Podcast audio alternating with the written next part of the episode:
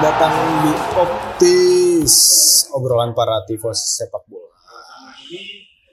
Nah, sesuai dengan konsep obrolan para tifosi sepak bola, gue udah bersama dengan tifosi senior, seorang panutan yang gue beruntung banget nih bisa ketemu beliau karena beliau adalah seorang uh, aktivis yang rajin untuk memberikan waktunya kepada sesama.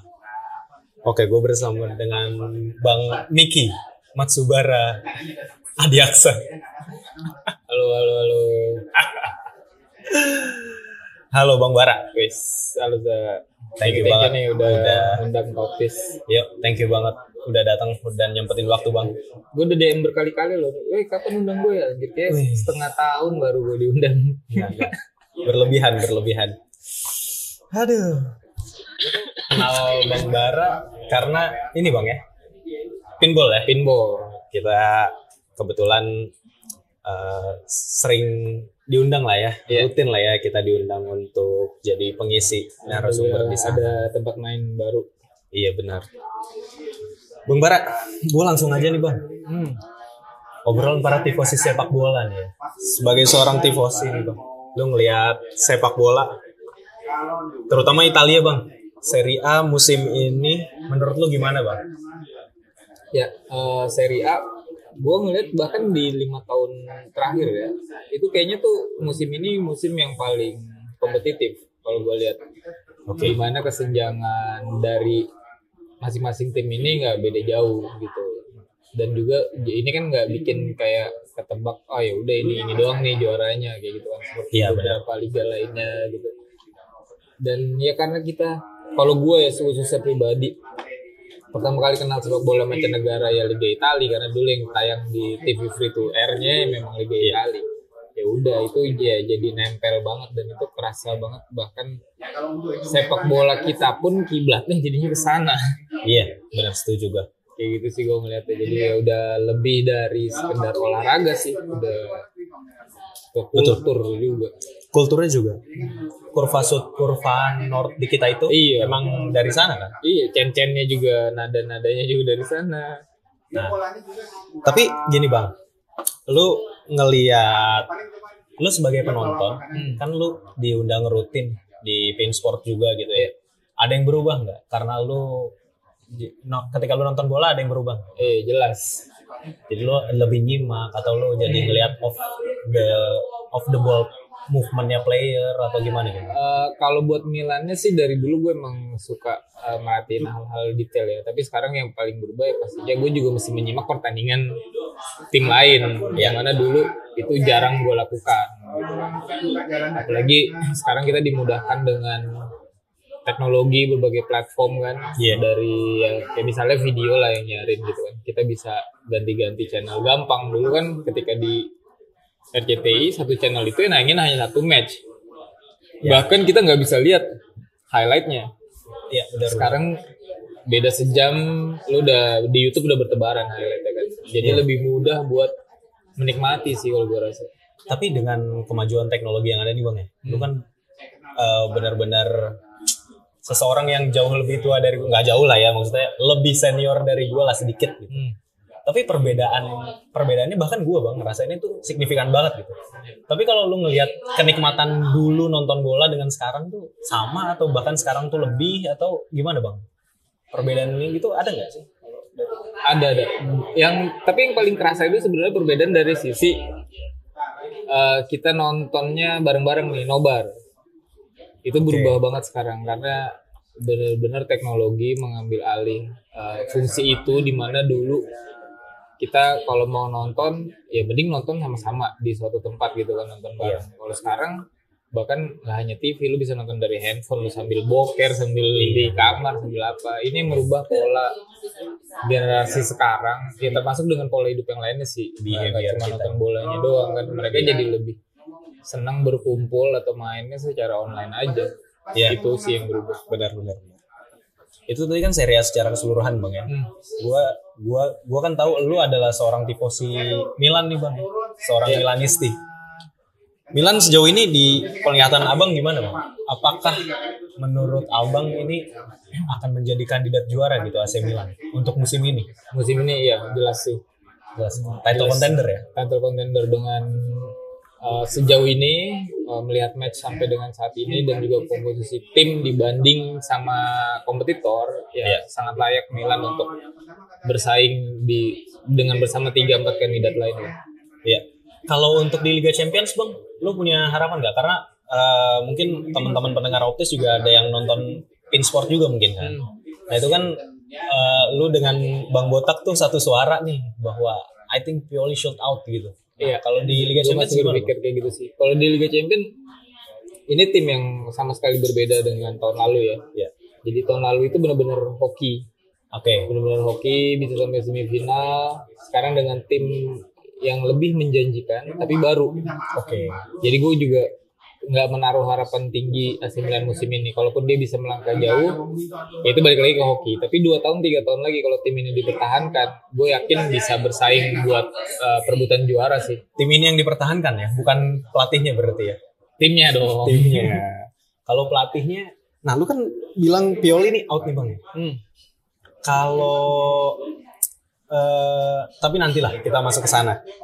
Mungkin gua mau nanya dulu nih, lu kalau untuk musim ini bang, pemain yang paling lu suka di squad Milan ini tuh siapa bang? Dan lu menilai pemain, lu suka sama pemain itu tuh parameter-parameter yang lu lihat tuh apa aja untuk lu bilang bahwa ini pemain yang bagus gitu.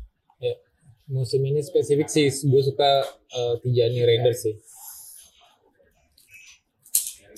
Kualitas apa yang dia punya yang lu yang akhirnya lu suka gitu sama dia? Ya, dia punya uh, passion ketika bermain itu terlihat uh, dan juga memang sisi teknikal pun juga mumpuni. Bukannya dia cuma modal bersemangat tapi nggak bisa ngapa-ngapain ataupun punya skill dan teknik yang bagus tapi nggak punya semangat gitu. Nah dia punya keduanya nih.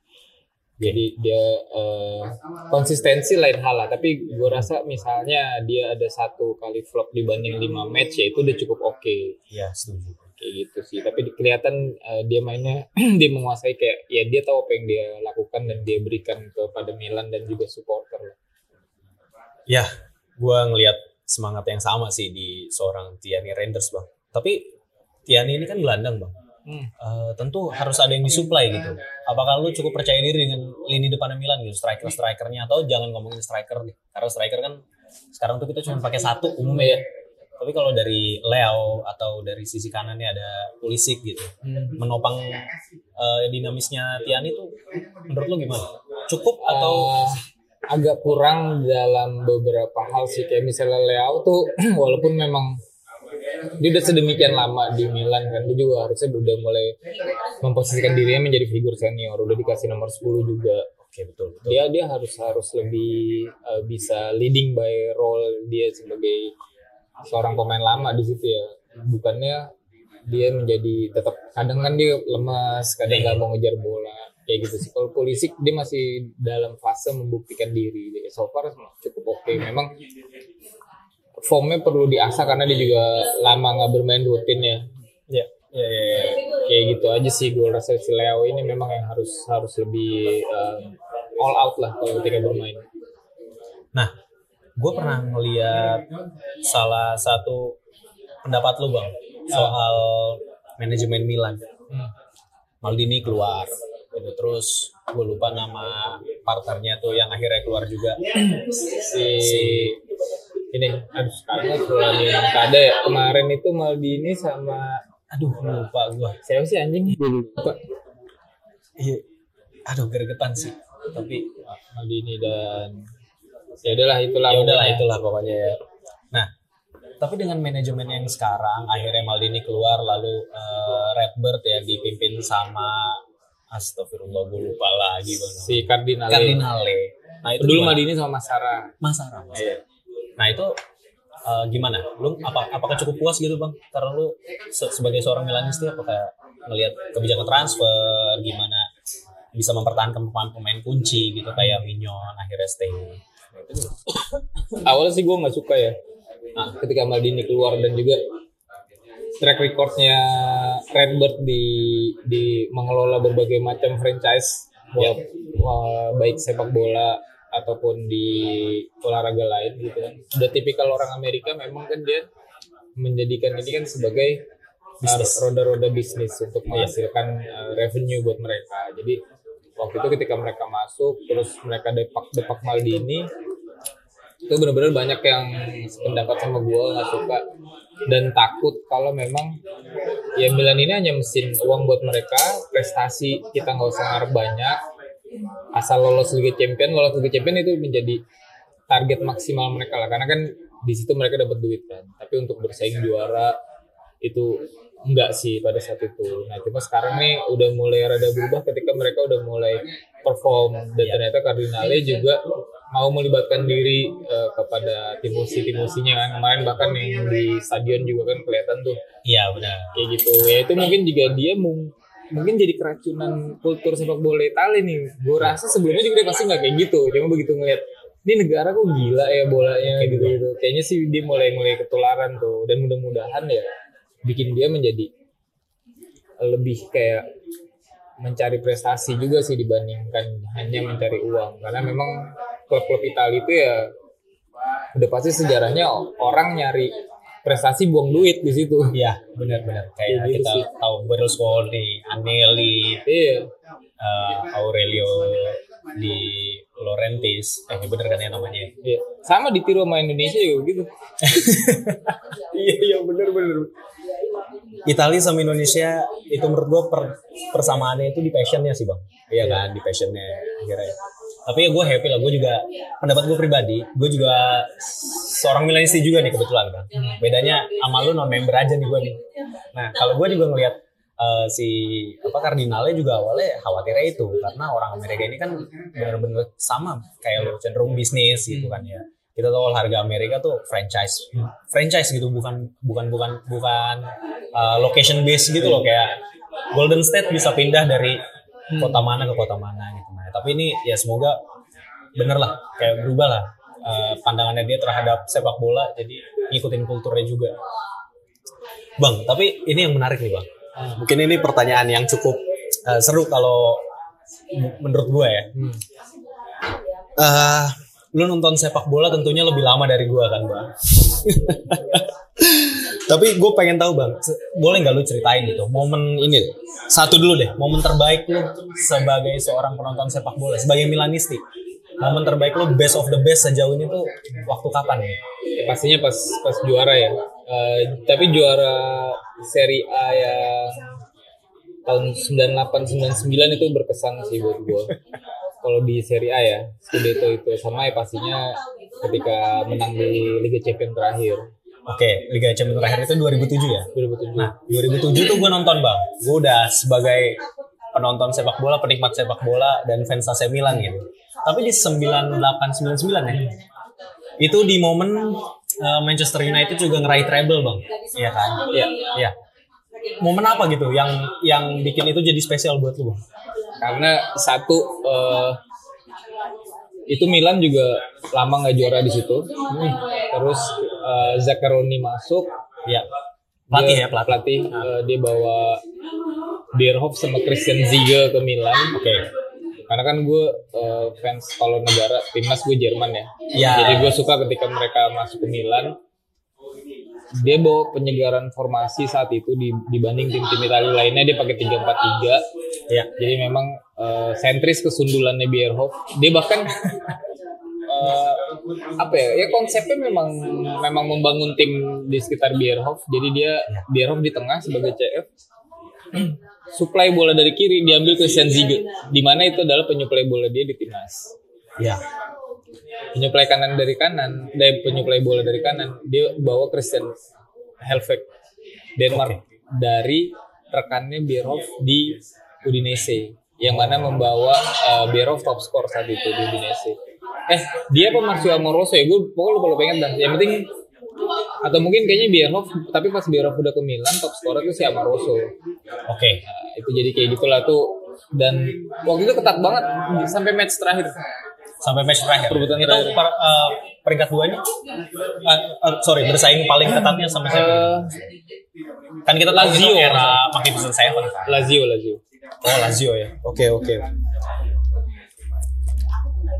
Berarti lu suka momen itu karena memang itu ada penyegaran taktik juga. Penyegaran Jadi taktik. secara kita nonton juga lebih enak. ya Dan kebetulan dan setelah Lu- masa-masa suram waktu itu oh iya. Iya iya iya. Dan lu juga fans Bierhoff karena Iya. gua eh, research gitu ya. Lu ternyata suka Bierhoff kalau striker. Gak umum ya. Biasanya Milanisti Inzaghi atau eh, mungkin Crespo atau Gilardino, Argon ya, ya jarang sih Gilardino kalau gua dengar jawaban.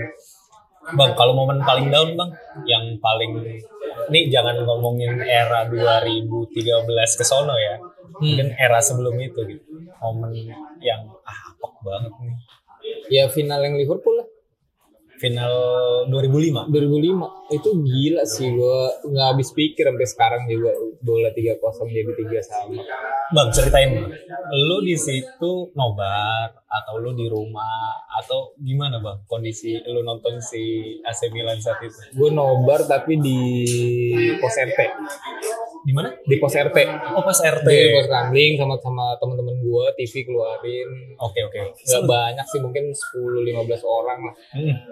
dan itu eh, pada tahun segitu Liga Inggris nggak setenar sekarang ya jadi kayak, kayak cuma beberapa orang doang yang yang suka sama Liverpool sisanya AC Milan Hmm. begitu halftime kita udah wah udah seneng-seneng lah Ya, udah duit saweran udah suruh suruh jalan deh tuh udah jalan lu nyari ini kan biasa lah anak-anak tahun segitu kan di pos ronda kan. tiga nol ya Crespo eh gue lupa Maldini kalau gue nyetak ya Maldini ada sama ah, gue nggak apa lah. Salah. Gilardino kalau nggak eh enggak Crespo Crespo masih Crespo strikernya waktu itu ya? Iya. Nah itu kayaknya lu juga ketulah sama ini bang. Pemain-pemain Milan juga katanya udah gosip-gosipnya kan udah selebrasi juga di ruang ganti. Iya di ruang ganti Di setelah tahun-tahun Iya. sekarang kita dengar-dengar cerita mereka kan. Itu gila sih. Ternyata di comeback sampai adu penalti kalau nggak salah kan akhirnya kalah iya ya. itu sampai kayak pas 31 lah masih ketawa 31 32 udah mulai deg-degan. Terus Gattuso juga udah mulai marah-marah mainnya kan. Terus kok bisa jadi tiga sama itu gelisah tuh bang lu nonton. Asli udah kesel banget. Gue Udah bakar-bakar ban itu tuh. Ini ini karena gue ngeliat mukanya bang Bara kayak eh, ini teman-teman. Bang Bara tuh kayak masih nginget momen itu dengan jelas gitu. Asli clear banget gitu kayaknya bang. Dan cerita-cerita yang gue denger sekarang bahkan di sana pun tuh Maldini nggak bawa medalinya. Nggak bawa medalinya ya? Ditinggal di ruang ganti. Oh gitu. Jadi banyak pemain Milan tuh ninggalin ruang ganti udah sambil kesel banyak medali. Yang gue denger ceritanya justru ketika si Jamie Carragher udah di CBS uh, Sport Iya. Golazo tuh. Ah, iya, gue iya. suka mantengin mereka juga kan. Jadi ada cerita tuh si Jamie dapet jersey Maldini dari anak youthnya Liverpool yang beres-beres ruang Iya. ganti. Terus apa anjir udah ambil jersey Maldini sini buat gue ya langsung pasrah dong kan diminta senior kan. Iya sampai medali-medalinya ditinggal. Dan itu dikonfirmasi sama Maldini ketika mereka di acara apa? Ah, ketemu Maldini kan ditanya kan gini gini iya iya emang gue tinggal ketemu Maldini. Gue ngapain? Tiga pos tiga menang jadi kalah begitu iya dan, dan itu memang jadi momen downfallnya Maldini juga tuh bang. Hmm. kayak yang gua pernah ngomong juga tuh yang di Pinsport ya. Mungkin teman-teman notice di sini gua ngo- ngomong di Pinsport itu memang gua pernah baca artikel bahwa di situ Maldini juga agak di iniin sama Kurvasut tuh bang. Maksudnya sama iya iya. sama fans. gitu. Iya karena mereka kecewa gitu melihat reaksinya Maldini yang eh, kalau nggak salah ada statementnya dia lah di media yang menurut gue dia nggak cover temen-temennya sih bang gitu Hmm. maksudnya ya kan. Tapi ya kalimatnya dianggap kok lu nggak ada passionate-nya gitu? Kok lu kayak kayak nerima kekalahan ini? gitu. Nah ya. oke. Tapi terakhir bang kalau ngomongin momen seru ya momen seru. Kalau lu sebagai fans eh, sepak bola pada umumnya gitu selain dari momen 9899 dan 2005 yang downfallnya lu ada lagi nggak gitu memori. Mungkin lu sebagai penonton netral bahwa oh di sini seru banget nih pertandingannya gitu. Entah Milan yang masuk ini atau 2007 mungkin masuk nggak sih? Di apa ya di di seri apa? Di di umum lah umum umum. In general Oh, gitu. in general, dead bola, season bola, gitu. bola, ah, sepak bola di musim kapan gitu ya med- medio ketika sebelum eranya klub-klub kaya sih kalau gue bilang oh oke di situ masih genuine di ya? situ masih genuine eh, ditontonnya juga masih kita tahu kalau lawan yang kita bakal hadapi adalah lawan seimbang gitu. Iya. Ketika uang udah berbicara kan, jadi agak aneh bola itu jadinya. Gue mau balik lagi ke masa lalu bang. Ya. Dengan dijuluki Nobita sama si. Jadi gue pengen ngajak lu balik ke masa lalu. Naik mesin waktu Doraemon. eh di era Magnificent Seven gitu bang. Itu lu bisa ceritain gak sih kayak kultur kultur sepak bola, kultur supporter di sana tuh gimana? Gitu? Maksudnya bro, gimana gimana rasanya lu di tahun segitu sebagai fans bola yang mayoritas juga uh, fans Serie A gitu ya? Itu tuh gimana sih kayak di sekolah atau di lingkungan uh, Rumah rumah gitu? Iya. Itu tuh kayak kayak gimana gitu? Emang emang seseru itu Liga Italia? Iya, jadi eh, ketika dan banyak fans-fans dari misalnya Roma, Fiorentina, Lazio gitu itu masih banyak tentunya. kecuali Parma sama Fiorentina eh Fiorentina iya kecuali Parma sama Fiorentina yang lainnya lumayan banyak sih. Jadi ya Milan Roma Juve, Juve pasti, Inter. Inter. Justru gue rasa se- dia sebelum Parma sama Fiorentina ya saat itu. Karena dia juga nggak terlalu digdaya kan saat itu kan. Jadi memang ya pasti porsinya adalah eh, Milan Roma Juve Lazio. Itu sih. Ya itu memang kalau zaman dulu kan kita masih main bola tiap sore ya. Di Iya. lapangan nyeker bola Iya. plastik. Itu udah tiap orang udah punya eh, julukan pemain masing-masing. Gitu kan. Oh lu sama si itu tuh sama si Kiki Maldini sama si ini Totti kayak gitu gitu udah Itu- nama belakangnya Itu di era itu Nesta masih di Lazio bang. Nesta masih di Lazio. Nesta masih di Lazio. Nesta, Salas. Ya itu yang bersaingnya ketika di musim 98 dengan Milan itu ya Lazio juga lagi kuat banget sih. Tapi kalau di era itu bang ya, yang mau lu bawa ke sekarang tuh apa? Maksud gue gini, kalau misalnya gue dikasih pertanyaan itu, gue mungkin jawaban gue adalah gue pengen ada pemain lagi yang passionate gitu, yang kayak Roy Ken atau Gattuso gitu, yang mungkin kalau kita lihat nggak terlalu skillful, tapi gue tahu presence dia itu tuh berasa gitu. Iya. Kalau di Indonesia mungkin kita punya, eh aduh, gue lupa lagi kapten. Samsul Herudin. Samsul Herudin gitu. Itu kalau ada yang mau lu bawa dari era itu ke sekarang tuh apanya? Siapa pemain atau apa gitu? Ya, lebih ke ke all outan mereka main buat eh, jersey atau tim yang mereka bela sih. Itu berasa banget itu bedanya. berasa banget bedanya itu eh, misalnya spesifik kalau orang kan tadi kayak Gattuso tapi pada saat itu ya hampir semuanya dengan bangga main eh, untuk jersey mereka dan mereka ingin membuktikan diri kalau ya mereka pantas main di untuk merah hitam ini jadi lu ya hampir semua apalagi tahun 98 itu walaupun banyak eh, mulai banyak foreigners main di Milan tapi mereka juga kayak gitu gesturnya gitu. Sama sama ya. Maksudnya sama-sama punya dan passion itu yang, yang, yang gue nggak ngeliat ketika kemarin Milan kalah sama Inter. Eh, nggak ada figur di Iya. lapangan yang mencak-mencak sama temennya karena lu kurang perform lu kurang semangat. Nggak ada yang bisa ngeliding timnya dengan uh, memposisikan dirinya. Kalau kita tuh ketinggalan kita tuh lagi derby loh gitu. Iya. masa main segini doang? Kayak gitu-gitu tuh udah nggak ada gitu sih. Oke oke. Tapi gue pengen tahu nih bang, kritik kalau untuk Milan di sekarang gitu. Mungkin gue what if deh. What, atau gue gini aja deh pertanyaan what if. Kalau lu jadi pelatih atau lu jadi dirteknya Milan bang, apa yang mau lu lakukan? Siapa pemain yang mau lu datengin dan apa yang mau lu kulik gitu? Apa yang mau lu perbaikin gitu dari AC Milan sekarang? dengan kondisi uh, persis seperti sekarang ya maksudnya Iya. kayak bukan ya Iya. bukan Manchester City yang bisa beli pemain senaknya Iya iya benar betul. Iya, iya. Dikondisikan seperti itulah. gue sih uh, pasti pelatih gue ganti ya kalau misal gue dirtek ya Mm-mm. kalau gue sebagai dirtek pasti pelatih gue ganti karena Pioli ini memang ya Scudetto dua musim lalu itu juga gue ngerasa ada faktor lucknya lumayan lah Iya, karena gue rasa tim-tim lain juga angin-anginan tuh performanya. ah bukan bukan Dan cuma Inter praktis yang mengancam di papan atas kan.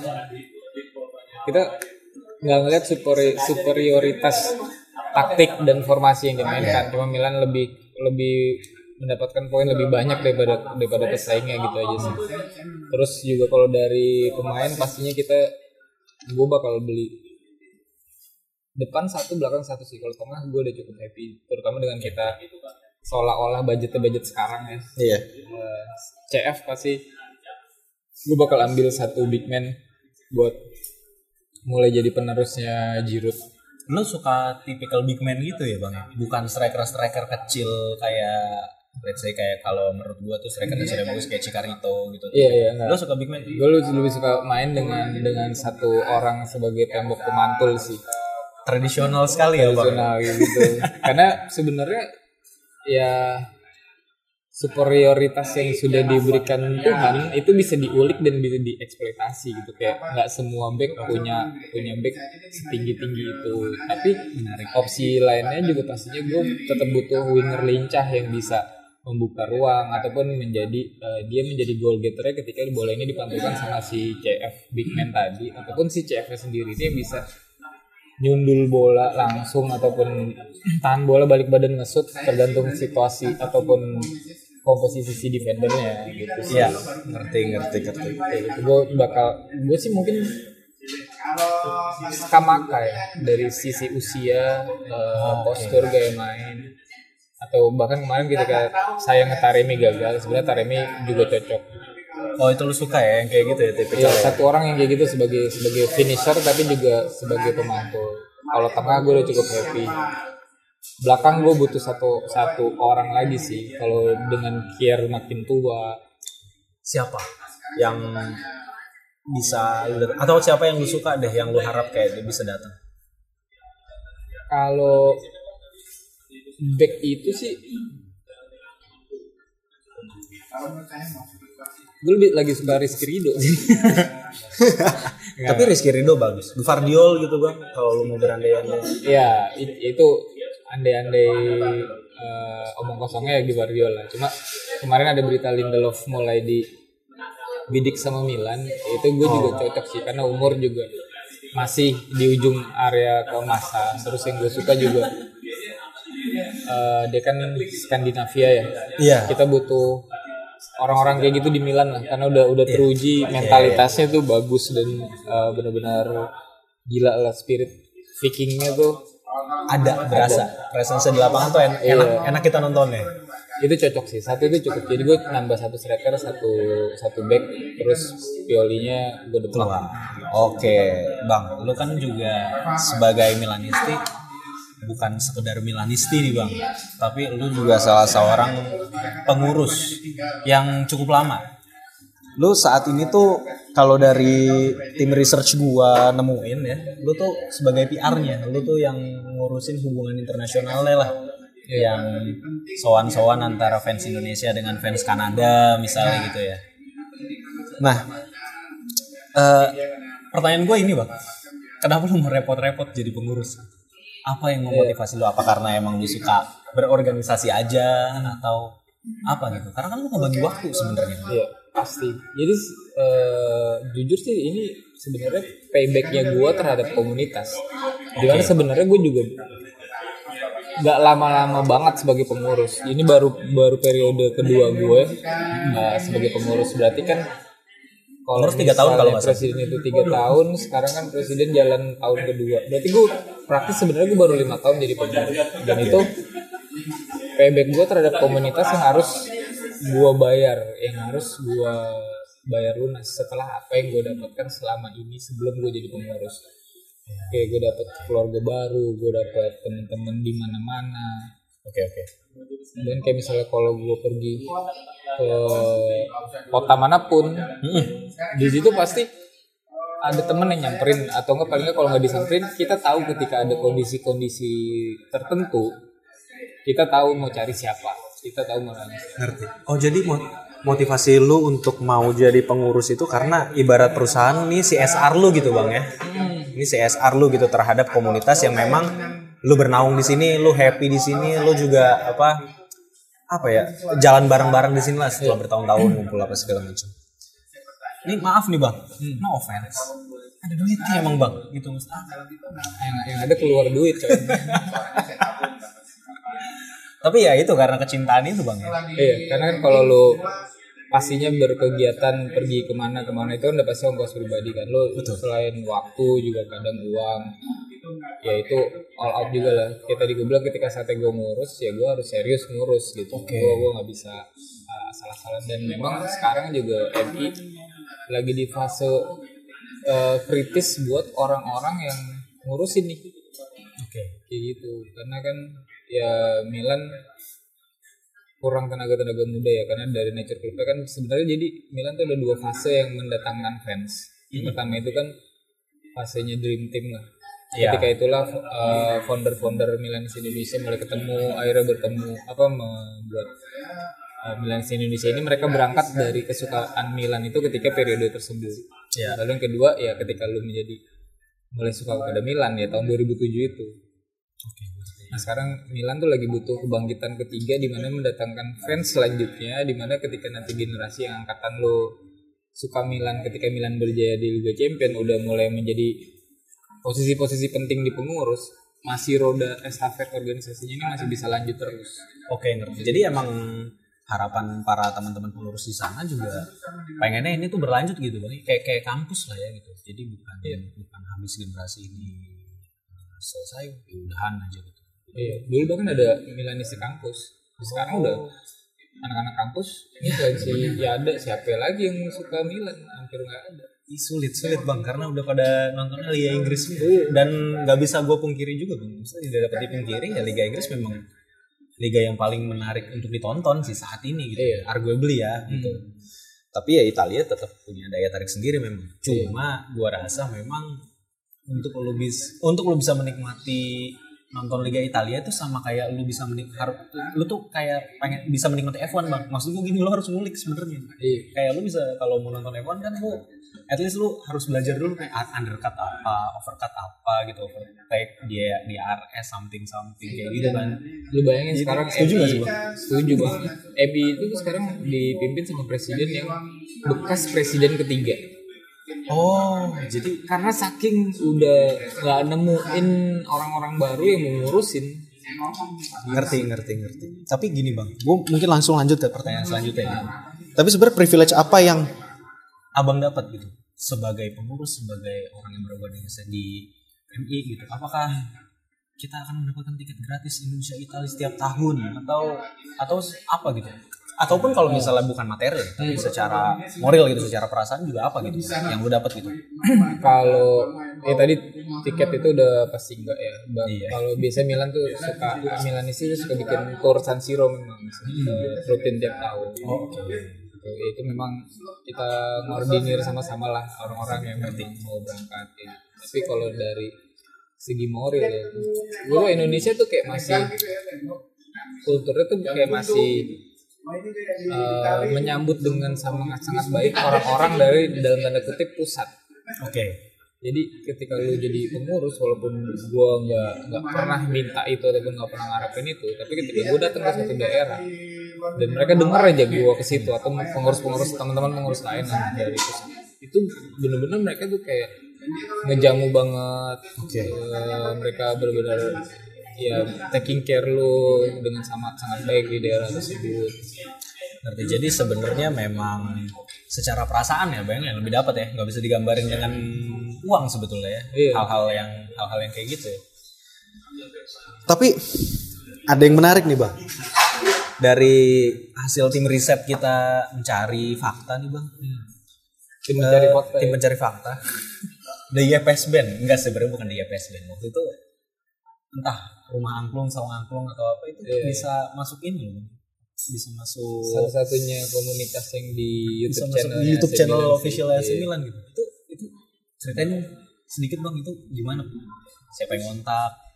Uh, atau ini inisiasi dari presiden MI atau gimana gitu? Gua kan waktu itu, tampil di sana dan masuk eh, channel YouTube ya? hubungan gue dengan manajemen Milan kan sudah terjalin baik ya. Gue rutin email-emailan, ngasih kabar. Mereka juga kalau minta campaign apa pasti kan eh, minta tolong gue atau nyuruh gue lah. Lu, gue butuh ini dong foto Milanis Indonesia di lagi nobar terakhir atau apa gitu sesuai tema yang mereka. Iya. Terus waktu itu nih eh, kita duduk bareng sama rumah angklung. Jadi rumah angklung itu sebenarnya komoditas mereka juga ngajarin angklung namanya si Arif sama Putri gitu nah dan kebetulan Arif ini Milanisti dia kan bilang wah kita harus bisa menjahit atau mengkolaborasikan antara budaya Indonesia dengan AC Milan nih gitu. Ya. dengan eh, kita ulik akhirnya kita bawa angklung bagaimana supaya ini dikenal sama dunia dan juga sama AC Milan khususnya itu pintu masuknya kan Milan di Indonesia Iya, karena kan yang punya yang punya hubungan komunikasi dengan pihak klub pihak klub kan emang Official, kan iya, Ya, iya. akhirnya ya di situ loburan pertama awalnya gue sama namanya Peter Morgan ya dia direktur marketingnya AC Milan orang Inggris sebenarnya dia direktur marketingnya AC Milan orang Inggris Biskanya kerjaan di Inggris. di kita. Aneh banget. semua tuh kayak zoom meeting zoom meeting gitu waktu itu eh, dia kayak bener-bener waktu itu dia baru baru menjabat ketika eranya waktu itu siapa sih setelah, si Yong Lee itu Si Yong Hong Lee. Setelah itu. Iya, gue. Eh, Aduh, gue lupa bang. Ada konsorsi. Iya, konsorsium iya. masih. Nah itu orang bawaannya, Iya, iya, orang iya. bawaannya dia lah. Jadi kayak, eh sorry ya nih apartemen gue lagi berisik orang ngetok-ngetok gitu. Gue bahkan baru pindah nih keluarga gue belum ikut kata dia gitu. Oh, gitu. Jadi dia dibawa sama konsorsium, konsorsium itu. Nah gue bilang sama Peter, eh gue bisa nggak dapat surat undangan tertulis? Lu ngundang eh, rumah angklung buat main di Milan. Oke, gitu. Masuk tuh bang. Iya, terus dia bilang, eh gimana ya? Tapi kata dia, ini akomodasi segala macam. Oh tenang tenang, kita kami nggak ngarepin hal itu. Lu ada surat itu, itulah modal kami buat cari sponsor. Kayak gitu, jadi ceritanya gitu. Di sinilah skill abang sebagai seorang marketing bermain ya bang. Iya, jadi eh, ya porsi gue di situ peran gue adalah ngejarin dapat surat itu. Akhirnya muncullah secari kertas itu. Di mana kertas itu kita jual ke mana-mana lah, Kementerian Pariwisata, eh, sponsor segala macam. Akhirnya orang banyak eh, mensupport. Salah satu yang terbesar ya pastinya. Terima kasih banget sama Raffi Ahmad sama Mas Gilang, Gilang yang Juragan 99 Juragan semua sih. ya dan beberapa pihak banyak pihak lain lain Atta Halilintar juga. Mereka mereka itu ternyata bang.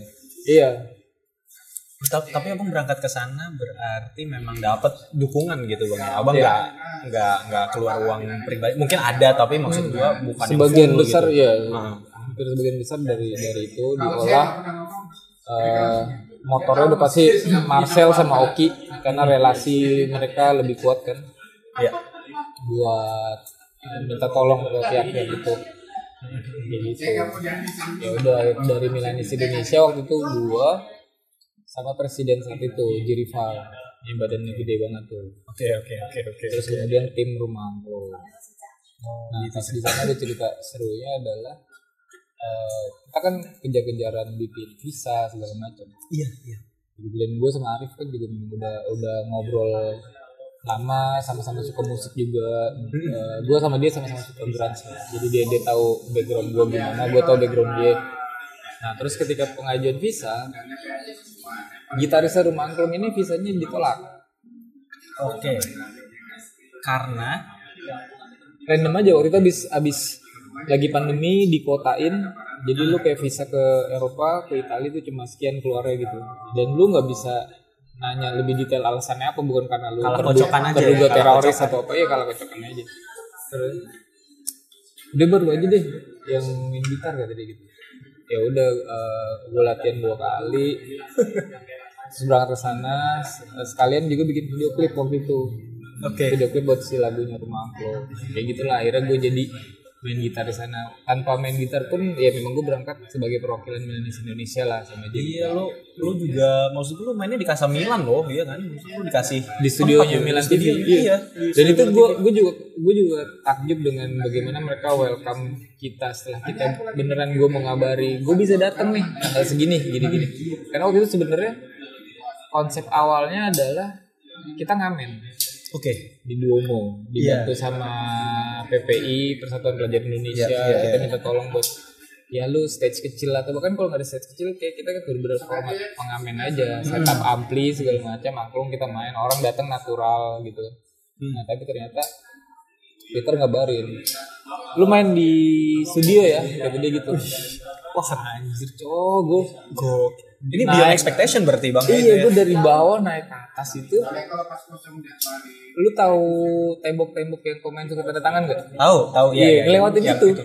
Ngelewatin itu, gue tahu ruang ruang kerjanya, tim sosmednya, gue sempat ngintip dia lagi ngedesain gambar apa waktu itu buat after match kayak gitu-gitu. Emang bener-bener kantornya, jadi studionya tuh ada di ujungnya kantor gitu di lantai berapa gue lupa.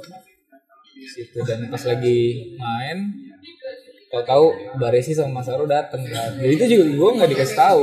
Wah. Uh, membuatku iri saya. Anjir serius tuh. Iya dan waktu kan dia tanda tangan dia ngasih jersey yang dari tanda tangan masing-masing sama angklung gitu. Oh, jual tanda tangan. Oh, enggak. Tanda tangan sama dia. Nah bodohnya gue kan waktu itu gue pakai seragam batiknya tuh angklung kan. Iya. Gue nggak bawa jersey karena waktu itu jersey gue targetnya adalah gue minta tanda tangan di Milanello. Iya. Gue nggak bawa spidol, gue nggak bawa jersey. Itu asli gue nggak dapet tanda tangan dari sih masih lumayan kepikiran sampai sekarang. Habis gue pas udah pulang gue mikir kenapa gue bisa tanda tangan di gitar gue. Tapi Iya. orang tanda tangan gitar kan gitaris ya. Bisa Yang gitar. siapa Tom Morello apa ini kok Baresi tanda tangan di gitar. Ya tapi nggak apa-apa bang itu justru selling pointnya gitu, uniquenessnya di situ kalau menurut gue. Tapi ya udahlah, gue nggak mau menambah Lu- luka, nggak mau menggores. Yang penting kan gue bisa menikmati nyari gue di AC Milan Channel gitu kan. Ada Iya gua. bener bener bener itu kebanggaan banget sih. Maksudnya gue nontonnya aja gue senyum senyum sendiri. Ditambah gue kenal lu gitu kan. Bang. Jadi kayak gue kenal nih orang nih gitu. Tapi ngobrol maksud gue say hi lah ya sama Baris. Bisa bahasa Inggris atau Bisa bahasa Inggris sedikit-sedikit. Mas Saro lebih lancar. Oh oke. Karena Mas Saro kan sampai sekarang memang ambasador Milan kan. Iya jadi dia bilingual lah ya. Sama, kayak Maldini, Maldini juga lancar banget. Bahasa- Del Piero juga ya, ya oke oke. Bang, eh lu udah ke Itali gitu ya, udah ngerasain ke Itali. Kultur supporter eh, ini, kultur tata kelola klub terhadap supporter yang beda dengan Indonesia tuh apa bang? Maksudnya atau ya gini deh, yang lu harapkan sebenarnya di Indonesia juga bisa diadaptasi atau oh harusnya treatmentnya kayak gini nih. Jujur nggak ada sih. Mereka karena Indonesia mengkiblat ke sana sama-sama buruk sebenarnya. Oh gitu. Segitu. Buruknya tuh maksudnya gimana se- sedikit aja gitu general. Jadi beberapa klub memang udah ada yang eh, menjadikan supporter ini sebagai revenue ya. Cuma AC Milan tuh belum. Jadi kalau lihat Inter orang personal bisa daftar sebagai membernya Inter Club gitu kan. Iya. Kayak gitu. Nah kalau di AC Milan itu dikelola sama pihak ketiga. Jadi gua nggak tahu Milannya sendiri tuh dapat dapat duitnya berapa persen apa dari si namanya organisasi INC ini. Ah, asosiasione apalah Milan Club gitu-gitu. Dan itu sebenarnya fungsinya sebe- awalnya dan bahkan sampai sekarang sih. Cuma karena orang-orang dari luar negeri suka kayak pengen punya member aslinya organisasi fans club di Italia gitu. Karena itu penghususannya sebenarnya lu itu me- menjadi wadah Milan Club Roma misalnya. Milan Club eh, Turin Turin Milan Club Spezia kayak gitu. Karena benefitnya nggak dirasakan secara personal buat member yang di luar Italia. Karena lu kayak potongan di Casa Milan. Itu di Milan Store yang memang Milan Store itu di luar Italia kalau nggak salah cuma ada di mana ya? Abu Dhabi apa mana gitu kan. Iya. sisanya itu hanya lokal Italia doang. Dan juga di sana ada pengalaman yang yang nggak nggak enak buat gua. Gua sama Haikal waktu itu eh, jalan ke San Siro nyari si IMC ini karena mau memperpanjang keanggotaan Milanis Indonesia di IMC sebagai Iya. wadah fans club sedunianya Milan lah istilahnya gitu. Gue tahu saat itu kan itu baru dua pertandingan terakhir Iya. musim itu. Nah terus jadi dia belum buka pendaftaran buat musim selanjutnya. Oke. Itu buat kalau email-emailan sama IMC, lu bisa seminggu baru dibales. Kalau sama direkturnya AC Milan, lu tuh dua jam tiga jam kalau dia melek pasti dibales Ini sama IMC-nya tuh lama banget. Dan bahkan gue udah ngabarin, gue tuh mau gue tuh mau ke Milan tanggal sekian, kira-kira jam segini. Gue ditahan di gate luarnya San Siro, cok. gue sama Haikal sama satpam gue bilang lu tolong telepon deh Eh, ini gue udah email gue bilang gitu dia nelpon doang terus eh, dia ngabarin lagi iya ini kita pendaftarannya belum buka gitu. Kan ya gue udah mati anjing gue datang dari Indonesia coy. Bukan lu dari Milanisi AC Milan lah yang, yang bukan dari provinsi Milan. Bergamo Iya. sekitarnya ya. Kalau orang sini kan lu masuk dulu ke kasih kopi apa ya kan? Ke kantornya. Itu gua gua gagal ke kantor IMC saat itu. Cuma karena pendaftaran musim baru belum dibuka itu lu ya lu, lu datang dari Indonesia gitu lu nggak dapetin apa hal yang sepantasnya lah. Iya ngerti. Jadi itu sama-sama aja masih masih jelek. Masih jelek juga. Kalau dari itu manajerialnya.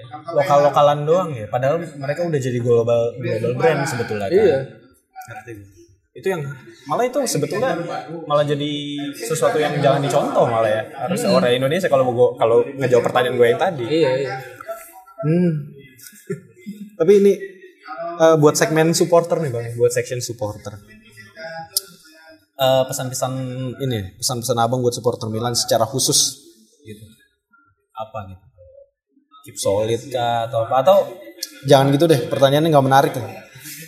Lu kan udah merasakan fans-fans toxic di sosial media nih. Pesan buat mereka nih, kalau jadi fans tuh harusnya gimana sih gitu apa sih yang harusnya kita achieve yang kita jaga gitu. Iya itu itu itu cycle, cycle sih sebenarnya dalam fase hidup seseorang ya. Oh, Pasti oke. ada ada saatnya lu di fase lu menggebu-gebu, lu membabi buta, lu jadi jadi badut, jadi orang Lu pernah tuh tolol. ya? Syukurnya enggak sih, karena gue selalu berpikir sebelum ngapa-ngapain ya. Hmm.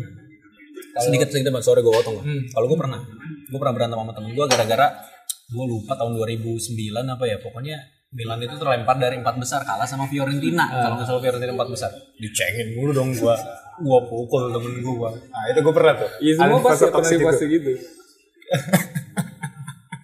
kan sekarang ya masih fans-fansnya di fase bocil itu kan ya klub-klub baru lah kayak Manchester City, Barcelona cuma- agak sedikit lebih tua lah dibanding yang fans City. Cuma kan emang ya mereka dari lagi di fase kotak kosong pokoknya jari ngetik duluan mikir belakangan yang, yang kocak gitu kayak orang berpendapat apa mereka balasnya apa gitu. Itu tolol.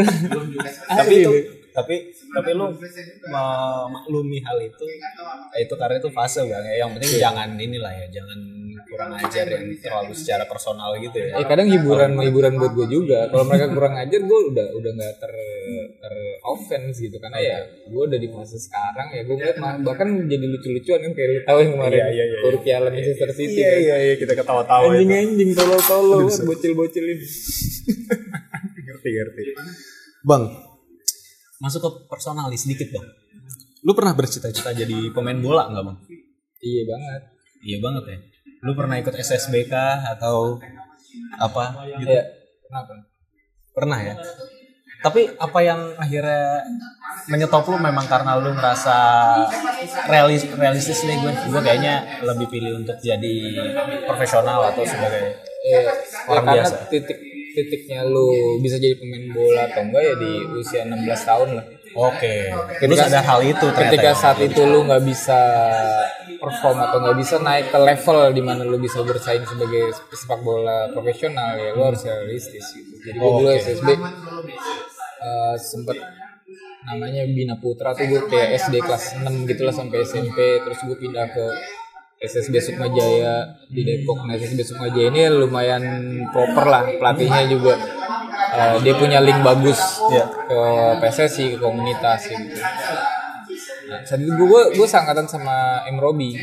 Oh Muhammad Robi Muhammad Robi. Iya. pemain timnas ya itu? Ya, itu dia dari Sukmajaya waktu itu jadi mulai kayak trial-trial di Persikat lah. Kan Depok kan Persikat kan. Ya udah dia dia dia lulus dia pindah ke Persikat. Gue enggak. Ya udah lewat. Dulu Sukmajaya itu ikut liganya Liga PSJS Jakarta Selatan. Jadi kompetisi rutinnya itu di Liga PSJS tapi usianya itu cuma sampai di U16 setelah itulah di mana lu lu pakai ke profesional lu bisa lanjut ke jenjang lebih tinggi atau atau enggak? Kayak gitu. Oh ngerti, di situlah titik lu menentukan lah ya pilihan hidup lu mau ke mana. Bang, eh gue jadi ngerti gitu. eh dari mana asal skill lu main bola? Karena gue masih suka lihat kan lu kan kadang suka flexing flexing di sosial media lu main bola gitu. Masih ada ternyata touch touch lu itu yang ah, halus pisan buat gue bukan bukan seorang amatir lah gitu ya maksud gue orang yang nggak main profesional disebutannya amatir ya. Cuma maksud gue bukan orang yang nggak pernah latihan gitu kalau gue ngeliatnya. Ya, emang beda di latihan di SSB di proper lu latihan bola sama enggak ya kelihatan. Kayak betul. Tapi posisi yang paling lu suka tuh apa bang? Kalau lu main bola? Ya, gue menikmati sekarang di tengah sih gue DM gue. Lu sebagai sebagai pengatur atau sebagai breaker? breaker. Sebagai breaker. Sebagai breaker. Justru bukan sebagai pengatur. ya? Bukan sebagai pengatur. Tapi dengan sedikit touch sebagai pengatur. Walaupun pastinya jauh dibanding seorang playmaker, ya.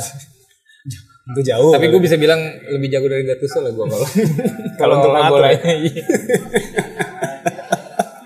Oke ini menarik nih kepercayaan diri ini yang gue cari memang. Tapi bang, eh, ini sedikit aja deh. Apa pertanyaan ini tuh gue penasaran aja. Lu sebagai pemain tengah nih bang. Kebetulan gue juga gue orang yang respect dan gue kalau main bola suka juga main di tengah gitu. Harapan lu kepada teman-teman lu kalau lu main di tengah tuh apa bang? Lari kah? Ngedeket kah? Atau apa gitu? Yang lu suka deh tipikal orang seperti apa yang lu suka kalau lu main bola bareng? Yang cepat kah? Atau se- yang punya visi gitu maksud gue yang yang nggak tolol nih yang nggak langsung minta bola jauh mulu atau apa gitu. Karena gue gue yang sebagai perebut bolanya, gue ngarepin temen gue yang lain itu eh, siap buat ada di ruang yang tepat ketika gue mendapatkan bola, gue tahu harus mengoper ke mana. Karena gue bukan orang yang memegang bola nih, jadi gue memang kalau bisa dibilang tipe ini gue tuh lebih ke destroyer kalau main bola. ngerti. Jadi gue yang ngerebut bola, gue pegang sebentar langsung ngoper kayak gitu. sih. pertanyaan ini tuh sebenarnya buat gue bang jadi kalau misalnya ada momen rezeki gue bisa main bola sama lu gue tahu positioning gue harus gimana Eh kita main di ini dong pinball katanya mau mini soccer dulu. boleh mini soccer tapi kalau lu ada link-link main bola iseng-iseng kalau gue bisa ikut kurang orang boleh bang Bisa ya paling di DF ya di Enggak, Indonesia kan Jakraya, Jakarta Raya ini dia juga sering ikut. Oke boleh tuh boleh itu boleh boleh rutin kok member. saya harus jadi member ini kayaknya nih Enggak kalau yang itu non member juga. oh oke Jadi oke Milanis Indonesia itu udah di fase sekarang alhamdulillah member non member gabung. oke Karena ketika mereka sudah merasakan kebersamaan itu pasti langsung akan daftar member. ngerti ngerti ngerti bang tapi gue penasaran nih.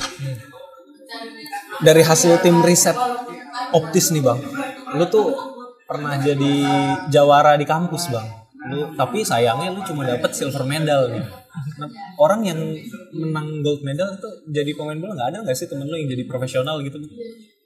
Lu kan satu satu angkatan sama yang Robi tapi ada lagi nggak gitu? Itu kan SSB ya. Kalau ini udah lebih tua, udah udah sulit lah buat mereka ke profesional gitu kan. Kan gue kan level kampus ya. Ya kalau di kampus gue itu ya tujuannya udah menteri bro, bukan main bola.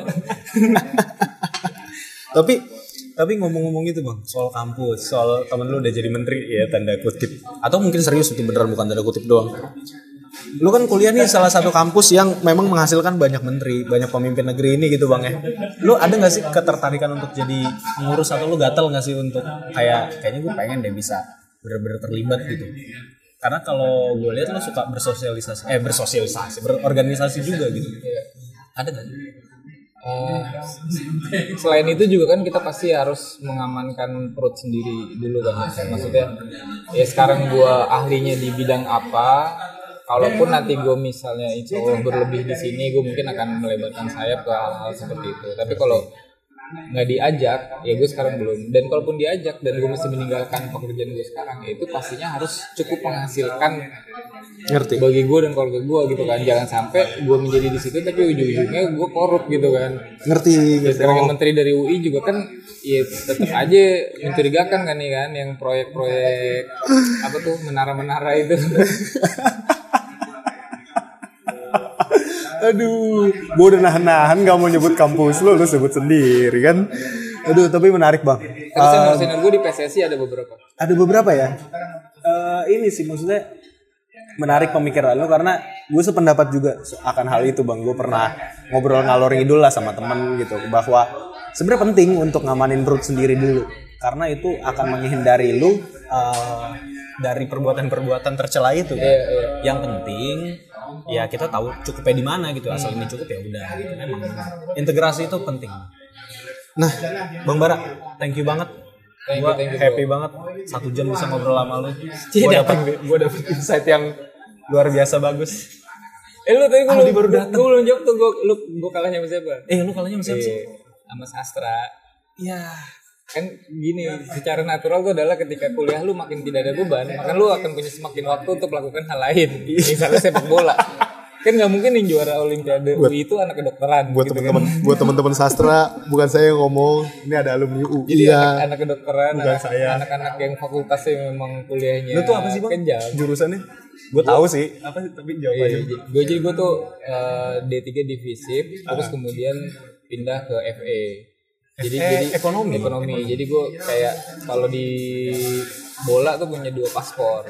Oh, kalau- iya, iya, iya. Jadi ketika Olimpiade UI itu dan gue ngebela dua fakultas ini dan dua-duanya kalahnya sama sastra anjing. sama FISIP gue di final. Sama FE itu gue kalah kalau nggak salah perempat final.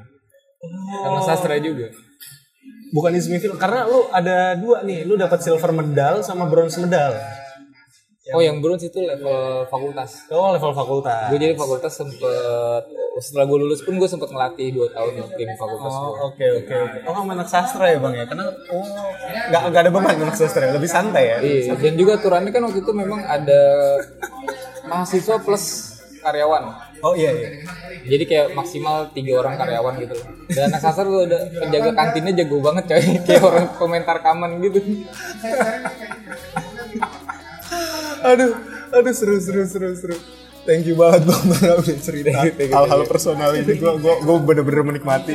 Gue seneng juga bisa kenal lo lebih jauh. Walaupun yang denger juga sebenarnya nggak penting banget anjing. Udah, udah berhenti dari yang tadi tiga perempat akhir mereka udah mulai berhenti dengerin kayaknya. berhenti dengerin. Tapi nggak apa-apa itu seru. Itu itu buat kepuasan gue pribadi aja sebenarnya oke teman-teman terima kasih udah mendengarkan. Itu tadi gue happy banget thank you bang Bara waktunya. Thank you, thank you juga. oke. Terima kasih teman-teman Oki sudah mendengarkan. Itu aja. Ciao